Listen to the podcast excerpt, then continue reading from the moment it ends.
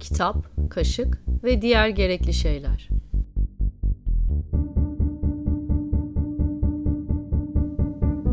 Hazırlayan ve sunan Sanem Sirer.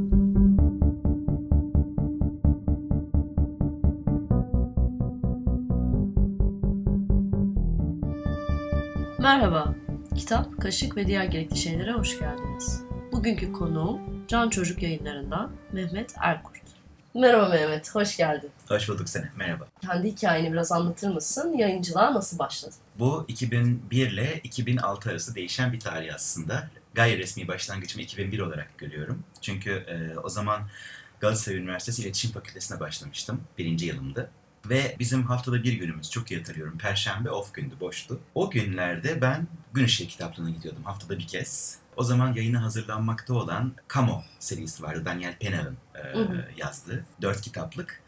Onların çevirisi gelmişti. Editörü de Müren Beykan'dı. Müren Beykan'la ben Fransızca kısmına bakıyordum kitapların. O Türkçe performansa bakıyordu ve ikili bir redaksiyon çalışması gerçekleştirmiştik.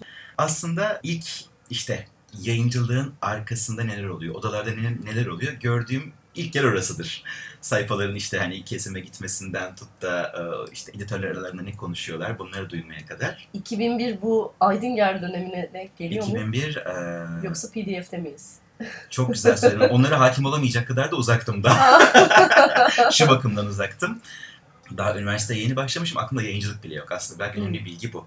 Yani ben Galatasaray'a bile girişim zaten. Hani vardır ya bazı insanlar ne yapacağını çok küçük yaştan bilir, emindir. Ben de eee, bundan hiç emin olmamakla birlikte hala bazen ne yapacağım ben diye sorarım 36 yaşında olmama rağmen. o kategoriden olduğum için. Ben aslında tamamen eee, fen bilimleri isteyen, böyle biyolojiye aşık biriyken ÖSS'de gerekli puanı tutturamayınca ve genetiğe giremeyince Galatasaray Üniversitesi'nin Fransız okullarına yaptığı özel sınavla şans eseri asil birinciden felsefeyi kazandım Galatasaray'da. Hiç ummadığım bir şeydi bu ama. Uzun bir sıçrayış. Genetikten felsefeye. O bir ilham verdi ve niye olmasın sosyal bilimler? Zevk almazsam ne olur en kötü? Bir daha giderim ÖSS'ye deyip o bir yılı okumaya karar verdim. Ama benim gibi kararsızlar için çok güzel bir şey vardı Galatasaray Üniversitesi'nin. Her ne kadar bölümün başından hayal seçmişsen de iletişim bile olsa ilk bir yıl Amerikan sistemindeki gibi karışık sosyal bilimler okuyorsun. Ve orada bir kararın değişir bir şey olursa okula bir başvuruda bulunabiliyorsun. Ben felsefeden girmedim, iletişimden girdim. Konuları daha eğlenceli geldi. Ve daha birinci yılın ortasında iki girmişim dedim. Ortası olmadan pardon. Arkadaşlıklar, işlenen konular, düzgün gazete okumayı bile bilmezken medyaya nasıl bakacağım, İlk aslında metne kafa yorma ve ifade etmeyi Galatasaray Üniversitesi'nde yoğun bir şekilde başladım diyelim. Öncesinde de tabii ki büyük babamın çevirmenliği, e, kendisi Fransızca'ya zaten beni başlatan sevgiler ne oldu? Onunla yaptığım başlangıçlarda hep fonda bir şey tutmuş. Bir daktilo sevgisi, bir kağıt sevgisi, bir yazma sevgisi. Ve gerçekten Gün Işığı Kitaplığı da 1996'da kurulmuştu. Gen Çocuk öncesi dönemim bu. Ve artık hani kitap sayıları artmış, ekip büyümüş. E, Bir yerinden ben de katılarak başladım. Haftada bir gün gidiyordum. O Daniel Penakler yayınlandı. Bugün o dört kitap birleştirilip Deli Dolu Arkadaşım diye yayınlanıyor şu anda. Ve ben oraya düzenli kitap okumaları yapmaya başladım. Raporlama. Yani ok- ok- okur olarak çalıştım. 2006'ya geldik. Üniversite bitti. Bir interrail. İş hayatıyla hiç fikrim yok. Reklamcılık yapmak istemediğime eminim. Oradan mezun olmama rağmen. Derken İstanbul Kitap Fuarı. 2006 Kitap Fuarı. Çıtır çıtır felsefeler basılmış Gün Işığı kitaplığında. Onların etkinliğine gitmişim. Mine Soysal'la orada konuştuk ve zaten bir başlangıcımız vardı. Şey, Dedi ki sen gel. Sen gel, gel. Ve e, çok güzel başlangıç yaptım sayesinde. E, tamamen editörlük ve yayın yönetmeni asistanlığıyla başlayıp kitapların tanıtımına, pazarlama ve halk ilişkilerine, basın ilişkilerine kadar uzanan bir ve hızlı hızlı gelişen bir dönem oldu. Kapsamlı. Kapsamlı bir çalışma. son derece kapsamlı. Çünkü yayın yönetmeni asistanı olduğunuz zaman bunu sanmıyorum bugünkü nesil çok daha bilinçli asistanlığı küçümseyeceklerini zannetmiyorum. Ama e, en iyi başlangıçtır. Yani o kadar fazla şey görürsünüz ki kimin asistanı olduğunuz çok önemli tabii. Sizi nasıl kullandığı değil sa- sadece sizin gelişmenize, bir yerlere gelmeniz ne kadar isteyen biri. Bunu görerek mi zevk alıyor yoksa olduğu yerde kalmanızı mı tercih ediyor? Bunları sezersiniz zaten. Ben hakikaten insan ilişkilerinde biraz şanslı olduğumu düşünüyorum. Çok güzel gelişen bir dönemdi. Fakat e, fonda benim hiç bitmeyen bir e, akademi sevgim de var. Çok uzak kalamadım ve Boğaziçi Üniversitesi'nde çok isteyebileceğim bir master programı olan çeviri bilimi gördüm. Yani iki yıl sonra işe başladıktan düşün o kadar dayanabildim hani özel sektörde, tek başına özel sektörde olmaya. Onu yaparken de tam zamanlı ofiste çok zordu master'ı götürmek. Ama yayın evinde güzel bir web sitesi işi de vardı. Çok e, sen bunu en iyi bilenlerdensin zaten. Web sitesi, blog bunları yaşatmak. Ben dışarıdan bir süre onu yapmaya ve tanıtım işlerine, tanıtım editörlüğüne devam ettim. Üniversiteye geçtin tekrardan. Boğaziçi dönemim başladı Hı hı. diyeyim. Dersler tabii daha az master'ın. Ee, Şey lisans kadar değil ama şey çoktu. Paper'lar. Ben Fransız sisteminden birden Amerikan sistemine geçmişim. Adapte olamıyorum, dile de olamıyorum. Giriş gelişme sonuç yazarken önce sonucu bildireceğim bir şey istiyorlar benden falan böyle. Ve o dönemde çok başka bir şans oldu. İnternet tarafını keşfettim. İnternet yayıncılığı. Bir kurumu internetini yapmakla serbest içeriği yapmanın dengesi. Ee, bu arada sosyal medya tabii ki doğmaya başladı. Ben öğrendim, yayın evi öğrendi, birbirimize öğrettik derken sosyal medya sorumluluğu. Ve bir aşamadan sonra benim hep kalbim zaten young adult, genç kitaplar için çarpıyordu. Çocuk edebiyatı her ne kadar başlangıcım olsa da o 12 yaş ve sonrası kitaplardaki zenginlik beni çok çekiyordu. Ee, zaten o dönemde patlama olan dönemdi. Kesinlikle. Dünyada patlama olan Dünyada dönem. Genç, patlama genç yetişkin alanında. Aynen öyle. 12 yaş ve üzeri Türkiye'de daha kolay görülüyordu. 15 yaş ve üzerine çıktığı zaman artık kararı okura bırakıyorlardı e, ebeveynler. Bir açıdan bu bir özgürlük zamanıydı fakat o yaştan sonra da öğren- öğrencilerin işte üniversiteye giden sınav dönemleri ve e, kitabın aslında en çok örselendiği, edebiyatın, özgür okumaların örselendiği dönem başlıyordu. Test kitabı var mı dönemi? evet, bol bol duyacağız galiba birkaç hafta sonra. Hakikaten o durumdaydılar. Biz de o durumu ben de yaşadım. Çok iyi anlıyorum. O özgürlüğü yani özgürlüğü, okuma özgürlüğü kısıtlanmış bir okura çok özgür bir edebiyatı sunmanın o çelişkisini e, yaşadığım bir kategori ama ben çok seviyorum. Okur olarak çok seviyorum. Neyse Gülüşe Kitaplı da çok seviyordu. O 15 yaş ve üzeri için farklı bir şey yapmak istediler ve 18 markasının doğuşu başladı. Ben yine yine bir şanslıydım orada çünkü bir alt markanın doğuşu nasıl olur, nasıl tartışılır, ne yapılır? Yaklaşık iki yılda, yani bir yıl kuruluşu, edişi ve iki yılda aktif olmak üzere 18'de çalıştıktan sonra Can Çocuk dönemim başladı. Yıl e, 2015. Aslında 18'den sonra açıkçası çalışmaya, ofis hayatına biraz ara vermek istedim. Yani hali hazırda akan bir master programım vardı. Hatta geciktirdiğim e, tezini bekleyen. Hem onunla ilgilenirim hem de akademik hayatta bir devam etme fikrim vardı. Belki ona dönerim diye umdum. Ama işte 15 gün geçti geçmedi sevgili e, İpek Şoran'dan, Can Çocuk e, yayın koordinatöründen tatlı bir Facebook mesajı aldım. o zaman Facebook kullanıyorduk. E, ve azaldı bayağı şimdi biliyorsun. En son oranlar hep Instagram'ı gösteriyor.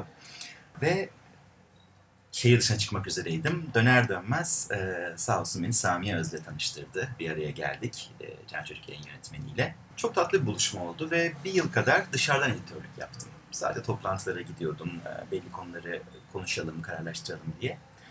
Ve 18'deyken temelini attığım kurgu editörlüğü dönemim aslında tam anlamıyla burada başladı, Can Çocuk'ta başladı.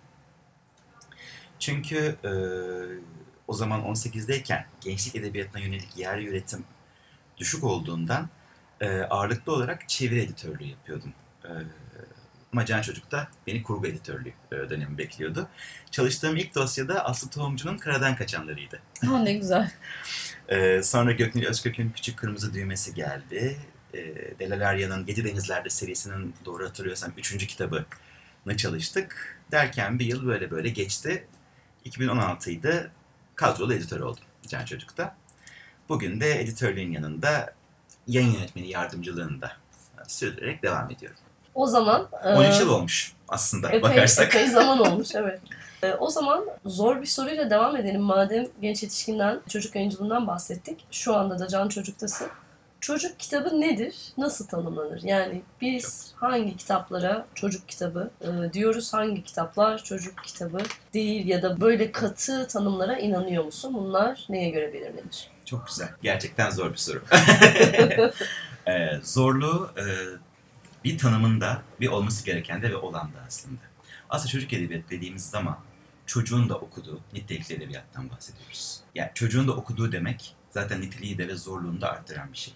Çünkü karşınızda gidip okuduğu kitap üzerine işte ne bileyim ben entelektüel havalar atacak, e, sofistike cümleler kuracak bir birey yok. Çok saf bir beğeni ve beğenmeme mekanizması var. Burada bir kere zaten e, beğenisine hitap edeceğiniz kitlenin çocuğun aynı zamanda aşkın, çok zengin bir hayal gücü var. Bu hayal gücüne de yetişmesi gereken bir edebiyat, çocuk edebiyatı. Dolayısıyla yetişkin edebiyatına göre tatmin etmeniz gereken belki entelektüel öncelikler değil ama farklı saf bir hayal dünyası var. Siz şimdi bu edebiyat türünü ürettiğiniz diyelim tabii konu bununla bitmiyor. Kitlenizin çocuk olmasından kaynaklı bir sorumluluk duygunuz da var. Dolayısıyla burada da belli konuları nasıl ele alacağınız, nasıl cümlelerle ele alacağınız, ne kadar titiz bir Türkçeyle, dille diyeyim ele alacağınız ve işte belli politik duruşlara girecekseniz bunun nasıl bir yönlendirmeye yol açacağını düşünmenizin gerektiği, belli konulara girdiğinizde belli cümleleri seçerken orada herhangi bir ayrımcılığın, nefretin, olasılığı bile çocuk için, okur için tehlikeli. Bunları hep hesaba katacağınız bir edebiyat türü. Bu yüzden aslında niteliği belli açılardan çok artan, yazması bu açılardan çok zor ve sorumluluğun bir araya girdiği, okur sorumluluğunun cidden devreye girdiği bir edebiyat türü. Ve ilginçtir ki adını kitlesinden alan tek edebiyat türü. Bunu niye böyle söyledim? Türlere baktığımız zaman bir yazının şekline göre türler var. Roman var, şiir var, öykü var. Bir de temasına göre adlandırılan türler var. Türler konusu zaten yeterince Evet. karmaşık ve tartışmalı ama bilim kurguya da bir tür diyeceksek, işte polisiyeye de bir tür diyeceksek, dedektiflik romanlarına da bir tür diyeceksek, distopyaya bile bir tür diyeceksek aslında bunların hepsi temalarına göre isimleniyor. Gençlik edebiyatı bile bir kitle gibi gelse de kulağa aslında tamamen temalardan yola çıkarak pazarın koyduğu bir isim. Gençliğin konularını ele alan, gençliğin büyümesini, kimlik arayışını, okulda verdiği mücadeleyi, mesleğe geçerken verdiği mücadeleyi, aileyle verdiği mücadeleyi anlatan kurgulara gençlik edebiyatı diyoruz. Çocuk edebiyatında şöyle bir kısıtlama yok. Çocuğu anlatan, sadece çocuğun hayatına yönelik bir edebiyat değil. Baş karakterinin pekala sadece yetişkinlerden oluştuğu çocuk kitapları da var. Burada kitle adlandırıyor edebiyatı. Ürettiğiniz, yayınladığınız edebiyatı. Adını okurundan alıyor. Adını okurundan alıyor. Zaten burada hemen bağlantıyı kuruyoruz. O ilk başta söylediğim sorumluluk, çok daha felsefi ve hayal gücü, berrak diyelim. Sosyalleşmeyle, sosyalizasyonla hırpalanmamış. Çok daha belki eleştirel kalkanları daha zayıf ama e, bakışı ve merakı ve soru sorma yeteneği çok yüksek bir kitleye yazdığınız bir edebiyat türü. Dolayısıyla o kitleyi edebi bir şekilde estetikle tatmin etmek başka bir çabayı gerektiriyor. 12 yaş mıdır burada sınırımız? Burada sınırları aslında belirlemek de zor. Şimdi çocuk edebiyatının okur yaşı tabii baktığımız zaman hani biz e, Hı. okurlar olarak sonsuz. Evet. Yani çocuk edebiyatı gerçekten bugün yetişkinin de okuduğu, hatta okuması çok önerilecek bir edebiyat türü. Ama hani çocukluğun bitişi dediğimizde burada genelde kitap dünyası 12 yaştan sonrasını ilk gençlik, işte Amerika'da Young Adult denen e, gruba koyuyor. Ama 12-13 yaşa hitap eden ve 10 yaş için ya başlangıcını 10 yaştan alan kitaplar da var. Yani 10 yaşta çocuğun okumaya başlayacağı ama 13'e kadar ilgi çekecek kitaplar da var. Bunu tabii edebiyatı bu kadar net bölmek zor. Evet. Bu bölümler nasıl oluyor? Aslında sorunun bu ikinci bir kısmı olacak belki ama nasıl tanımlanır kısmı. Bunu daha çok yayıncılık dinamikleri tanımlıyor. Şu anlamda söylüyorum. Biraz aykırı bir örnek vereceğim. Boris Vian'ın ünlü eseri Günlerin Köpüğü. Fransa'da e, şu anda adını unuttum Folio muydu bir yayın evi tarafından gençlik romanı olarak basıldı. Öyle olduğundan değil. O yayın evi biliyordu ki o tasarımla, o ara açıklamalarla, belli grafiklerle bunu gençlere çok güzel okutacaktı. Ve bu yolla gerçekten de kitleyle buluştu. Ya da mesela Vasconcelos, Şeker Portakalı ve serisi. Tamam, Zezen'in çocukluğu bir çocukluk dönemini anlatır ama Deli Fişek'e geldiğinizde çocuktan tamamen kopar. Bu yaşları tanımlamak zor. Ben 12 yaşında e, hatırlıyorum. e, Şeker Portakalı'ndan da çok keyif almıştım. Deli Fişek'ten de. Çocukluk tam olarak bitmediği için o edebiyatın okur devamlılığı geliyor. Tabii şöyle bir şey var. Artık o yaşa gelen okur kendisine sürekli kitaplar yetişkinler tarafından tanımlandığı önerildiği için ona önerilen çocuk edebiyatından artık kopuyor. Ona geri dönmesi için serbest seçimlerini yapan bir okura. Yani nedir? Üniversite yaşlarına gelmesi gerekiyor. İşte burada da adını okurundan alan bir tür dedik Evet. çocuk edebiyatına. Bir yandan da okuruyla, yayıncının okuruyla doğrudan bağ kurmadığı, ebeveyn veya e, okul aracılığıyla ona ulaştığı bir alandan bahsediyoruz. Ne zaman ki bireysel bağ kurmaya başlanıyor o zaman zaten işte o alandan yavaş yavaş çıkılıyor ve ilk gençlik, genç yetişkin vesaire gibi değişik Evet. bölgelere geliyor. Aslında yani yetişkin topraklara okur geçiyoruz. büyüyor, evet kesinlikle. büyüyor. Şimdi- Yani o 12 yaş dediğin çok doğru. O 12 yaştan sonra doğrudan yetişkin tarza başlayabilen çocuklar da oluyor. Ama o genç yetişkin tarzda türde çok güzel var. Tabii yani ço- çocuğa göre de elbette değişiyor. Şimdi yakın zamanda gündeme düşen bir haber birkaç gün önce yayıncılar arasında da infial yaratan bir haber aslında. 4 çocuk kitabı 18 yaşından küçüklerin maneviyatı üzerinde muzır tesir yapabilecekleri kararıyla bundan sonra yalnızca 18 yaşın üzerindekilere satılabilecek. Şimdi bu o, buradaki ironiye e, girmeden bu vesileyle sorayım. Çocukların ne okuyup ne okumayacağını kim nasıl belirliyor ve yayıncılar bu alanda nasıl var olabilir? Şimdi buna kimler karar veriyor? Nasıl bir... Şöyle bir gerçek var. Çocuk edebiyatı da, çocuk kitabı yayıncılığı da evet bir yetişkin alanı. Yetişkin üretim ve yetişkin yayın, paylaşım alanı. Zaman zaman siyaset. Had safhada. Ee, siyaset şöyle siyaset. Bir e, yayın evi dediğimiz yapıya baktığımızda zaten nedir aslında? Başlangıcı en azından o romantik noktada sevdiği, hayal ettiği şeyleri yayınlamak isteyen bir okurlar grubu değil mi? Tabii ki. Bir tıpkı bir jüri gibi değil midir yayın kurulu? Sevdiği kitabı seçer aslında. Kendi beğenisine hitap eden, buluşturmak istediği kitabı. Ha sonra o yapı büyür, ekonomik e, zorunluluklar başlar. Artık e, belli bir noktaya geldikten sonra piyasa şartlarına uymanız gerekir. Orada yavaş yavaş ilk romantik hayallerden kopar ama yayın evi aslında bu. Çocuk kitabı yayıncılarında da aslında yetişkinler bir araya geliyorlar ve gerek kendi çocukluklarındaki arayışlarından yola çıkarak, gerek bugünkü çocukluğun nabzını tutup, tutup gözlemlerinden yola çıkarak, hatta hepsini bir araya getirerek ya da sadece bu güzel alanı, çocukluklarında olmayan güzel alanı yeniden keşfederek çocukları bir takım güzel kitaplarla buluşturmak istiyorlar. Gerek bu telif eserlerle, yer üretimle, gerek çeviri eserlerle. Bu yetişkin dünyada tabii ki o yayın evinin kurucularının, o yayın kurulunun bir de bir siyasi yaklaşımı var. Siyaset sadece mecliste konuşulan şey değil. Tabii. Hayata bakış, Gündelik, gündelik, gündelik hayat, gündelik Tabii. hayat yani bütün seçimlerimiz, e, neyin için yaptığımız, neyin için yapmadığımız tabii ki kitap seçimlerimizde belirliyor. Yani çocuk kitabı yayıncılığına derler ya hani çocukları aman hani siyasette buluşturmayalım. Bu cümle bile siyasi. Hı hı. Tabii. Yani anne babanın çocuğuna seçtiği seçmediği kitap da siyasi dinamikler içeriyor. Hı hı. Fakat burada gerçekten yetişkinlerin bir araya geldiği koca bir karar mekanizması var. Bir kere yazan yazar, metnini yazan yazar bir tercihte bulunuyor, bir karar veriyor. Bunu çocuğa uygundur diyor. Bunu çocuk sever diyor. Ben bunu çocuk için yazdım gayet de okur diyor. Oradan sonra yayın evi devreye giriyor. O kendi yetişkin görüşlerini katarak okur, okumaz, sevdim, sevmedim deyip o bir karar bildiriyor. Ve tamamen aslında yetişkin bir ortak sözle, konsensüsle doğan bir edebiyat türü. Burada çocuktan ne kadar e, beslendiği tabii ki o yetişkinlerin çocukla olan- ilişkisi, gözlemleri, çocuğun hangi öyküleri okuduğu, kedi çocukluğunu hatırlamasına bağlı olarak biçimleniyor.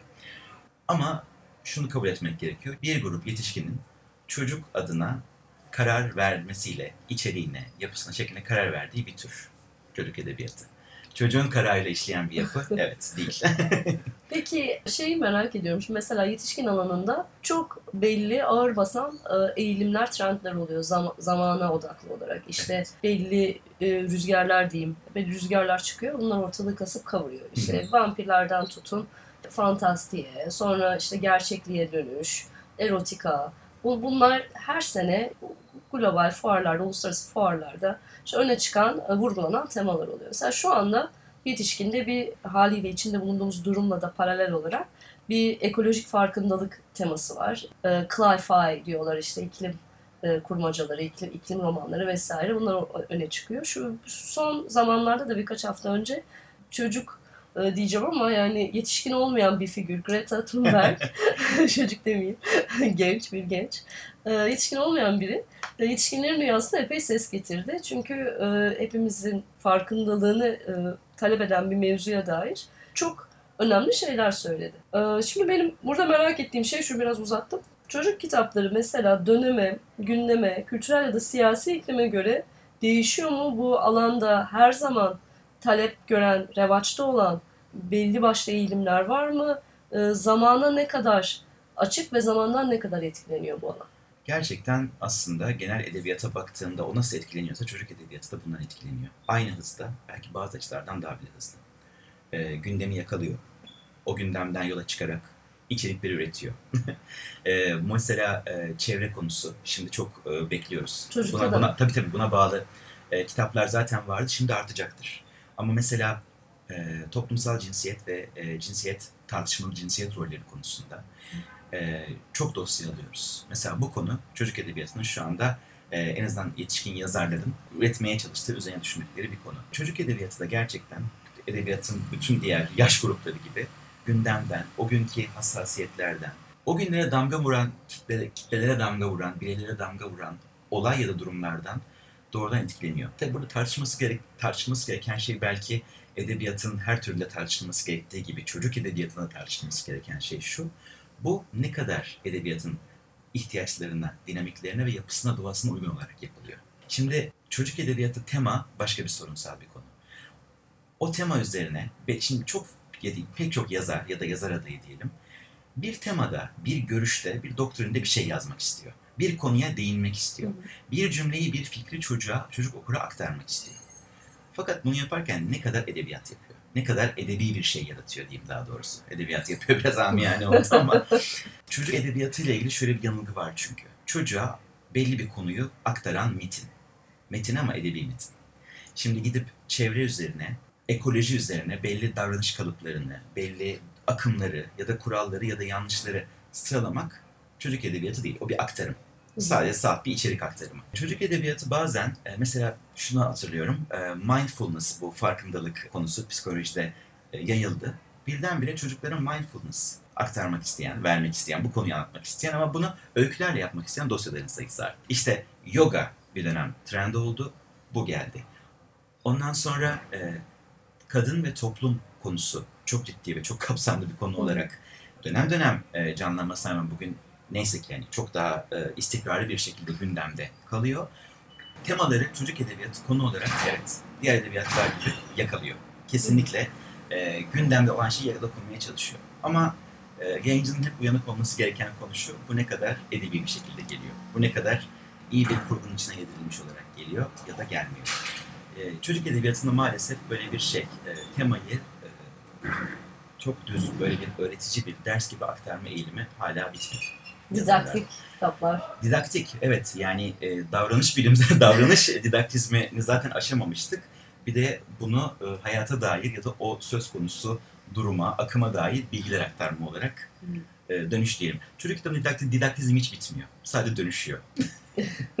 Peki şimdi az önce e, biraz değindik aslında ama tekrar sormak istiyorum. Yani işin teknik unsurunu da çok da bilmediğim için sormak istiyorum. Ebeveyn, okul ve okur ekseninde gelişen bir yayıncılık pratiği.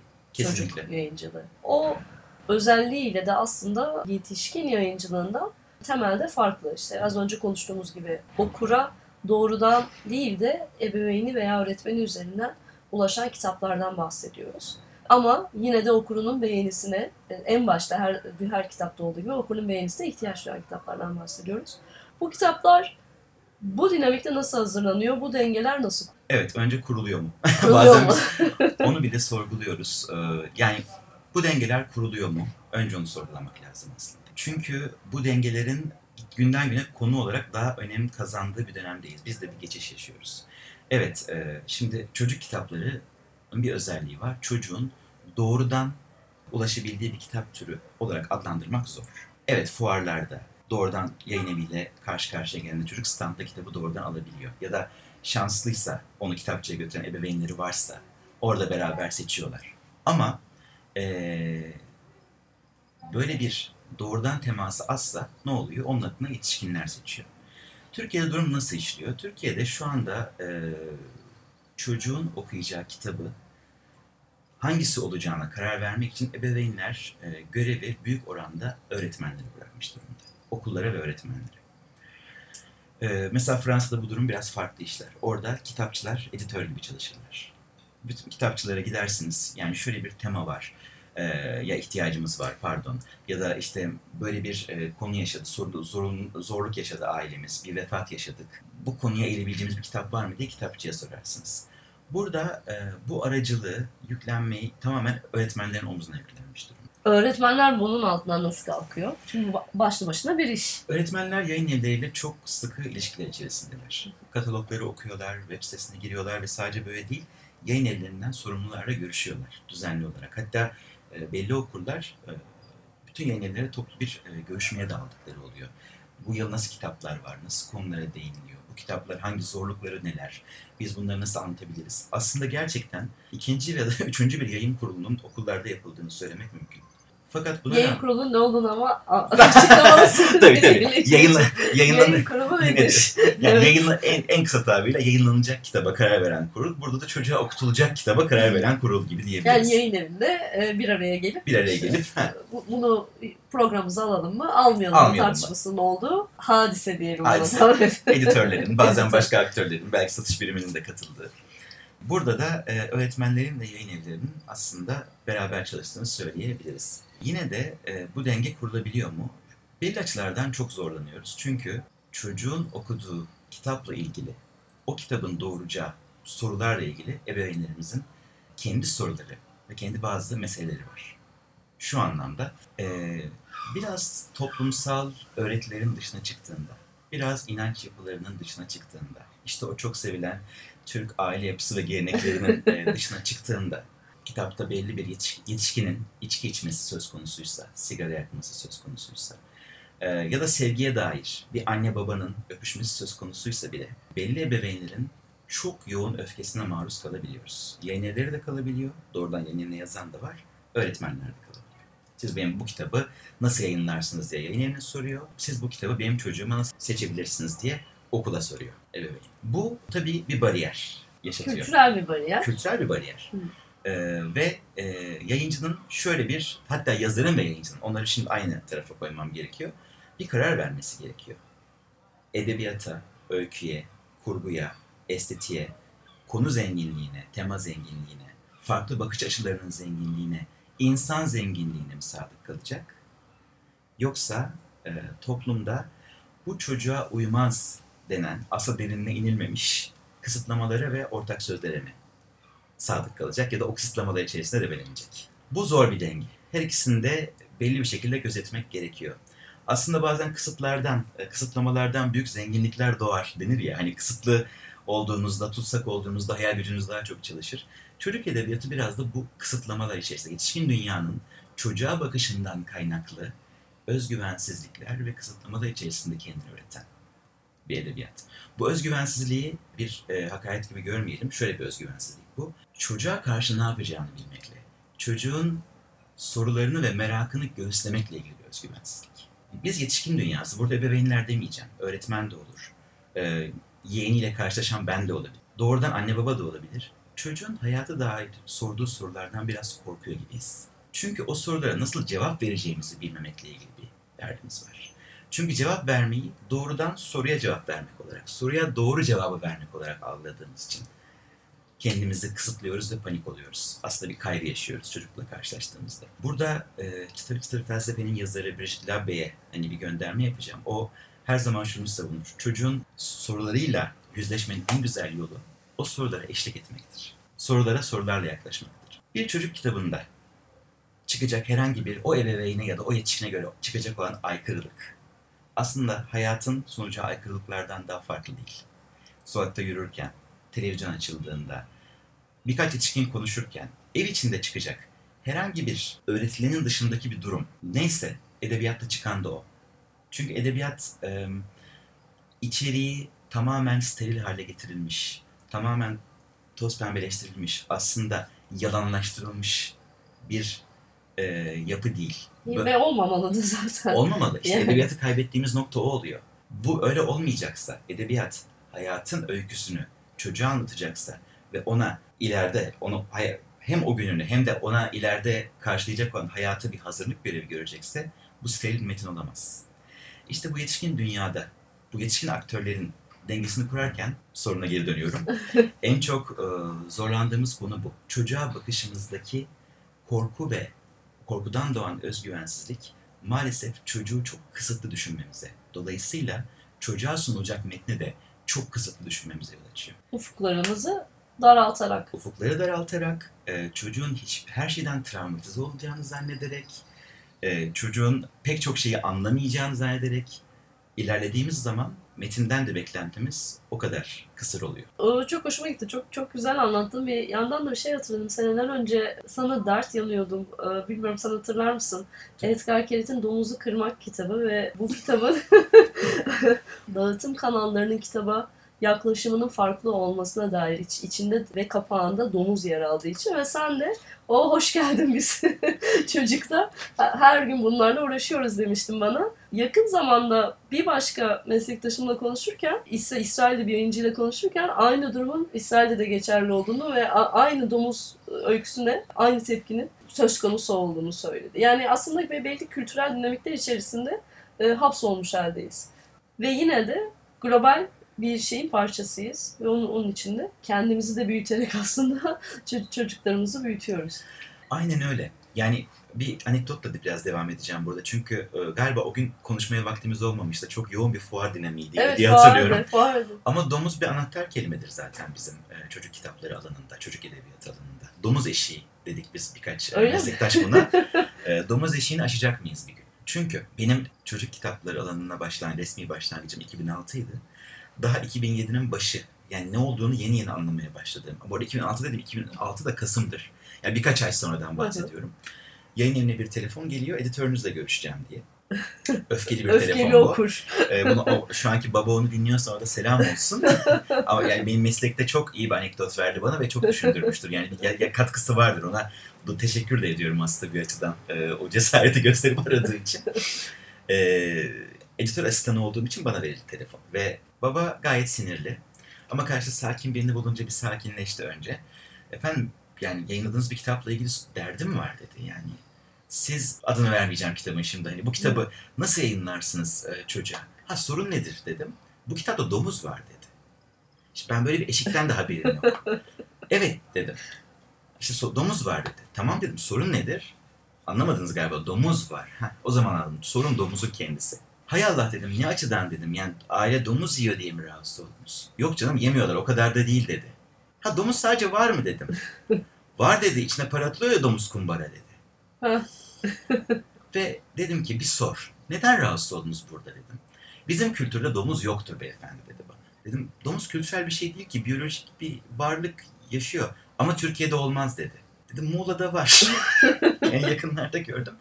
Siz benimle dalga mı geçiyorsunuz ciddiye almıyorsunuz dedim. Yok dalga geçmiyorum ama e, dedim bu bir e, işte Avusturyalı bir aile. E, onların kültüründe var. Biz oraya tabii ki e, çizerden bir hani bizdeki hani klasik bir biz de klasik bir çocuk kumbarası isteyemezdik. E, bu e, yurt dışında resimlenmiş bir kitap ve bu başka kültürden bir aile. Çocuğunuza rahat rahat bunun e, bir Türk aile olmadığını söyleyebilirsiniz. Bunu yiyenler de var. Bizim aile yemeği tercih etmiyor. Bu diyalogları kurmamız gerekti. Yani şimdi bunu kurabildiğiniz zaman çok sorun yok. O yüzden fuarlara gitmeyi ve her gün orada olmayı çok seviyorum. Ne ebeveynlerle neler konuşuyoruz. Orada bir ebeveyni yakalıyorsunuz ve belki o, o domuz eşiğini atladığınızda korktuğu konulara dair, en çok korktuğu konulara dair 10 kitapla onu uğurlayabiliyorsunuz. Çünkü onların üzerine konuşma cesaretini tetikleyecek bir şeye ihtiyaçları var sadece. O kıvılcımı çakacak bir şeye ihtiyaçları var. Eğer bu sabrınız, bu iyi iletişiminiz varsa o ebeveynler yayıncıyla konuşmayı çok seviyorlar. O yetişkinler diyeyim, o vasiler, o veliler çok seviyorlar. Çocuktan sorumlu olan kişiler. Aslında son derece de iyi niyetliler. Ve bir şeyleri yanlış yönlendirmekten, travmatize etmekten korkuyorlar. Şunu söylemek sadece yetiyor. Yanında siz varsınız ve siz bir yetişkinsiniz. Diyaloğu kurduğunuz anda sorun çözülecek. Gerçekten durum bu çünkü. Çocuğun sorduğu soruya, aa bunu ben de bilmiyordum. Gel beraber bakalım ya da işte mesela anne bu kitapta domuz var. Tamam bu seni niye rahatsız etti? Bu soruları sorma cesaretini yap- elde ettiğimiz anda çok çok kolay gelişiyor devamı. Edebiyatın kalitesini arttırmak. Dolayısıyla çocuğun nitelikli bir edebiyatla buluşmasını istiyorsak tam da uğraşacağımız alan bu yetişkin dünya. O zaman madem yetişkin dünyadan bahsediyorsun, ben sana elinde olsa, fırsatın olsa tüm yetişkinlerin okumasını sağlayacağın kitaplar neler neler olurdu onu sorayım. Çocuk kitapları önermek istiyorum. Çocuk Ha, kitapları. Çocuk kitapları pardon. Tüm yetişkinlerin okuması gereken çocuk kitap. Şöyle başlayalım o zaman. Ben bir Roald Dahl kitapları demek istiyorum önce. Roald Dahl kitapları hatta yanına bir de Avusturyalı yazar Kristin Nöslinger kitapları. Bu iki yazarı bir yana koyacağım. Roald Dahl bir şeyi hayal gücünün sınırlarını zorlayarak, eğlenceli bir halde ve hayatın o adab muaşeretinin dışına çıkarak nasıl güzel anlatılabileceğini ve yazılabileceğini kanıtlamış bir yazar. Ve çocukların bu okumadan ne kadar zevk aldıklarını da ebeveynler görüyor. Yetişkinler için de yazmış bir yazar. Biz Roald Dahl'ın çocuk kitaplarından bahsediyoruz burada. Aynen öyle. Tamam. Aynen öyle. Pardon. Ben tabii herkes kendi cebesinden baktı. Kesinlikle Roald Dahl'ın çocuk kitaplarını öneriyorum.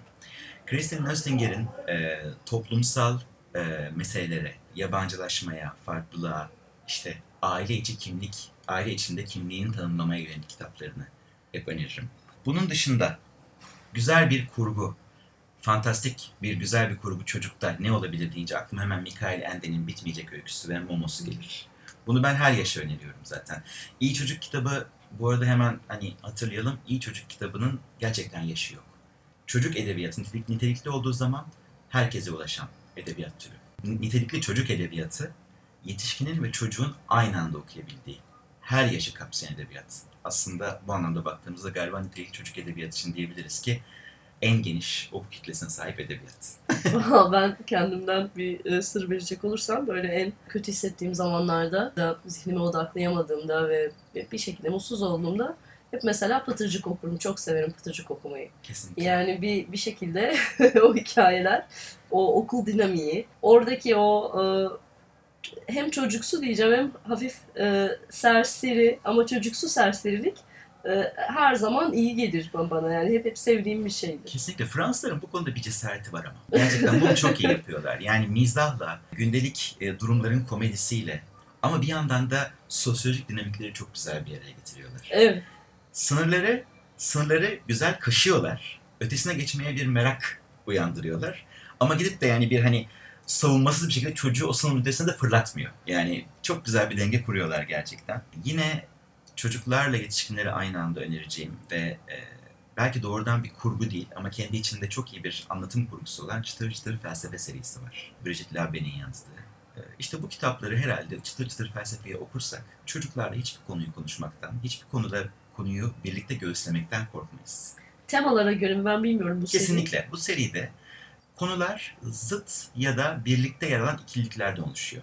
İyi kötü gibi zıtlıklar. Aha.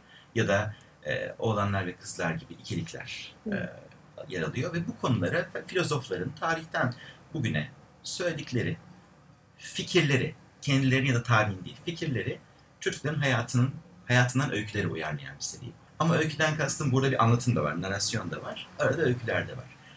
Bunu çocuk yetişkin beraber okuduğunda e, ben hani her yayın evine de her yayıncıya da öneriyorum bu kitapları.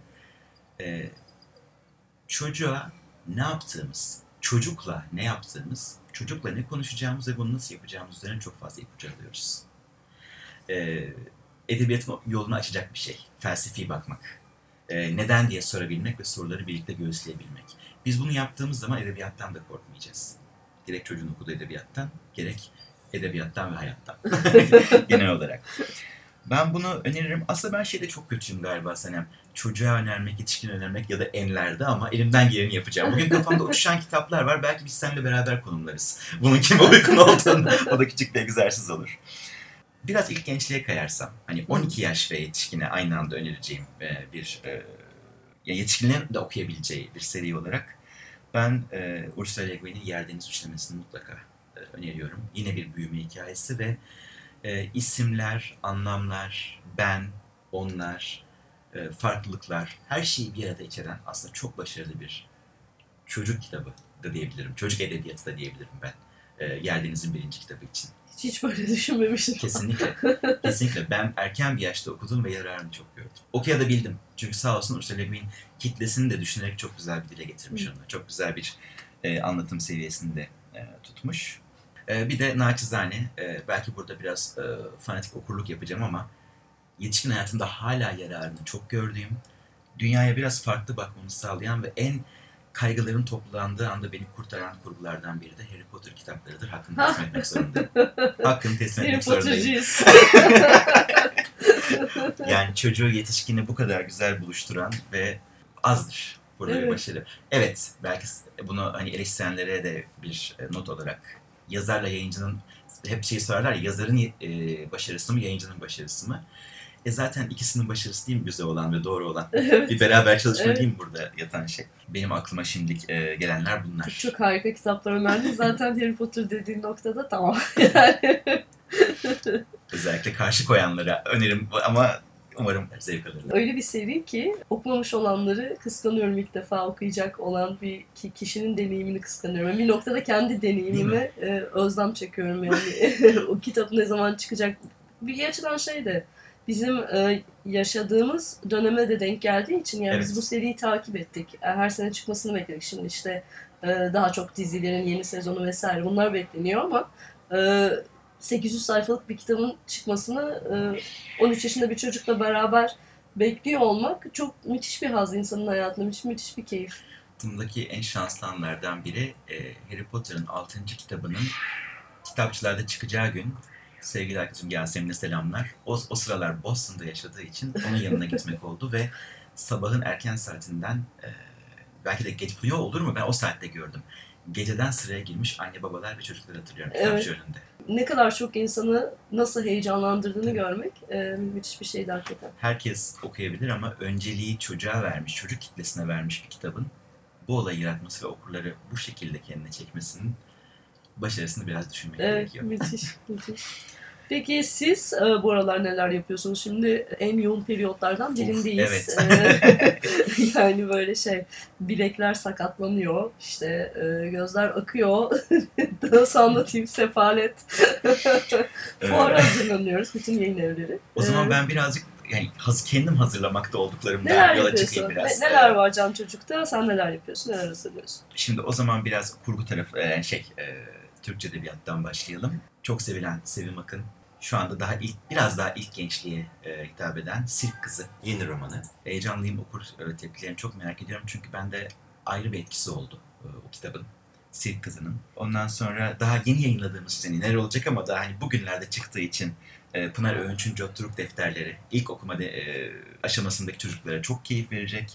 Barış İnce'nin kıyıdaki çocukları, e, hafif bir pay sokağı çocukları tadında ve mülteciliğe de bir yerinden e, değinen bir e, roman olarak. Yayınlanacak. E, o yayınlandı. Yayınlandı. Yeni yayınlandı. Ama o kadar yeni ki hani bir e, bizi heyecanlandıran bir şey daha var. Okuduk, çok mutlu olduk. E, şu anda yayınlar hazırlama sürecine geçtik.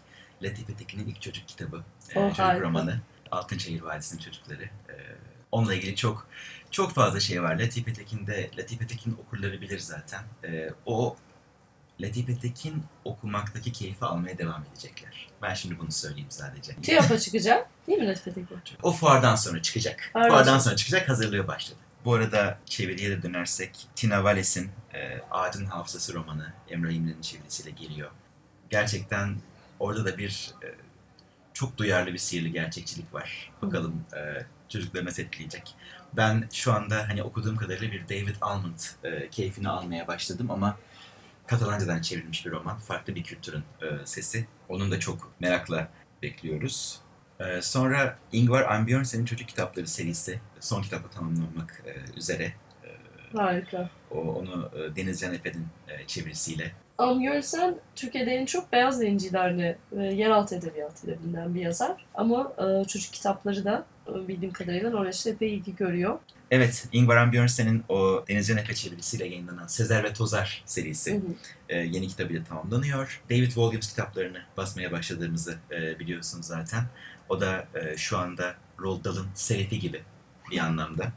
Onun e, bu kış yeni bir kitabı e, çıkacak. Büyük Baba'nın müthiş firarı zaten çok sevildi. Çok güzel e, şeyler, yorumlar aldık o kitapla ilgili. Dünyanın en berbat çocuklarında, çocukların daha çok çığlıklarını aldık diyelim. kahkahalarını aldık. Bayan e, Charlotte'un maceraları serimiz e, çok e, sevildi. Bu ünlü e, öğretmen ve kütüphaneci e, karakter. Evet, şu anda yani şöyle bir özet geçebilirim. Daha, ta pardon, unutmadan. Ahmet Büke, e, Can Çocuk'tan ikinci kitabı Tuhaf Yuva şu anda çizim sürecinde. Çok güzel. Böyle bir tema var diyebilir miyiz? Yani yetişkin kitaplarıyla tanıdığımız ve sevdiğimiz yazarlar bu sene Can Çocuk'ta çocuklara da çocukların da okuyabileceği, yetişkinlerin zaten okuyacağı, çocukların da okuyabileceği kitaplarıyla yer alacak. Kesinlikle. Evet evet e, çocuk edebiyatı bu anlamda gittikçe ilgi görüyor. Yazarlar çocuklara da artık yazmak istiyorlar ve e, beni en çok mutlu eden şeylerden biri bunun apayrı bir alan olduğunu, apayrı bir emek gerektirdiğini, çaba gerektirdiğini, ve deneyim gerektirdiğini, e, kitapları çok sevilen yazarlar da, yetişkinlere yazmış yazarlar da, tanınan yazarlar da kabul etmeye başladı. Çünkü şey algısı gittikçe azalıyor ve beni çok mutlu ediyor. Yani e, ben bunca zaman yetişkinlere bunları yazdım ve çok sevildi. Çocuğa haydi haydi yazarım. Yanılgısı artık bitiyor. Yani ya da ben şanslıydım. E, hepsi cümlelerin üzerine düşünmeyi, kurguyu yeniden düşünmeyi, bazı yerleri yeniden yazmayı da kabul ediyor ve hatta bu eleştirileri istiyorlar. Bu çok verimli bir ilişki ve çocuk edebiyatını çok güzel bir yere taşıyacak. Ee, pek çok yazma verimi e, ve sevgisi olan yazarı bu alanda nitelikli eserler üretmeye itecek. Bu mesleğimde de çok hoşuma giden bir şey. Yani okurun çocuk yaşta tanıştığı bir yazarla e, kendi yaşı ilerledikçe, kendi büyü- büyüdükçe daha farklı kitaplarıyla yani e, büyüme hikayesine dahil edebilmesi yazarı bir şekilde e, hoş bir şey, hoşuma giden bir şey.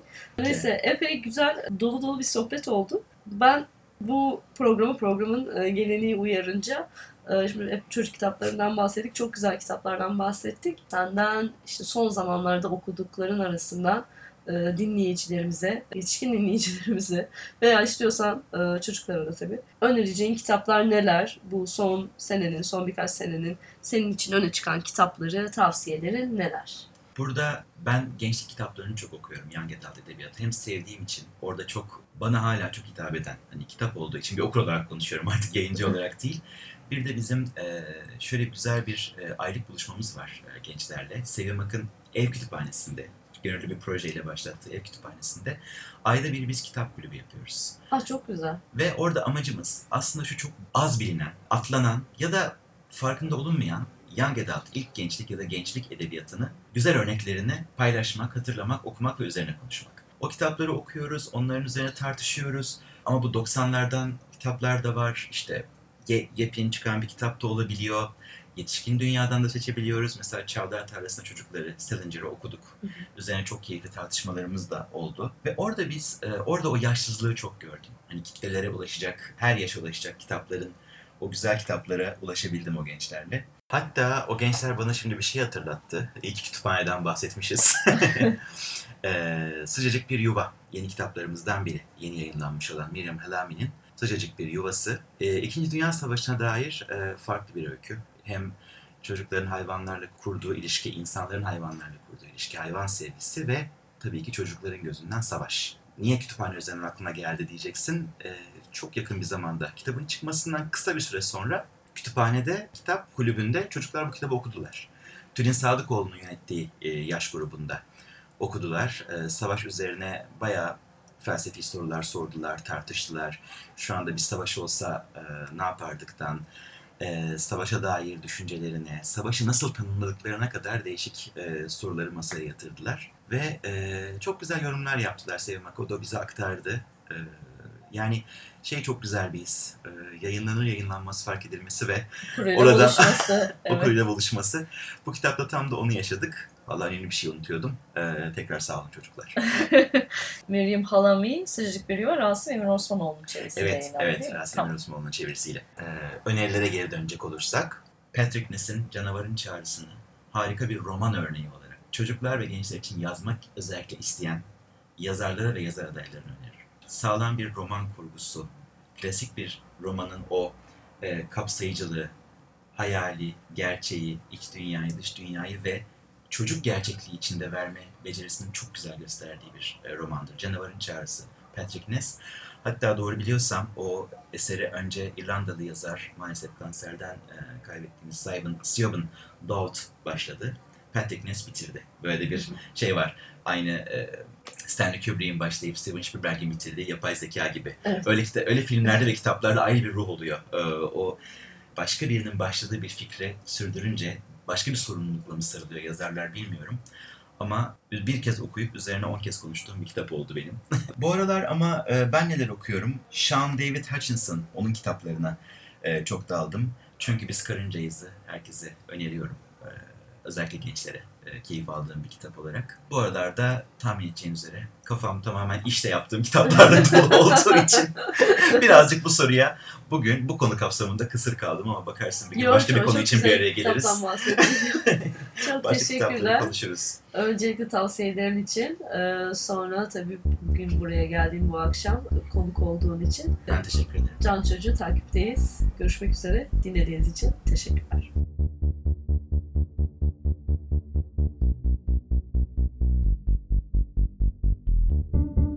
Kitap, kaşık ve diğer gerekli şeyler.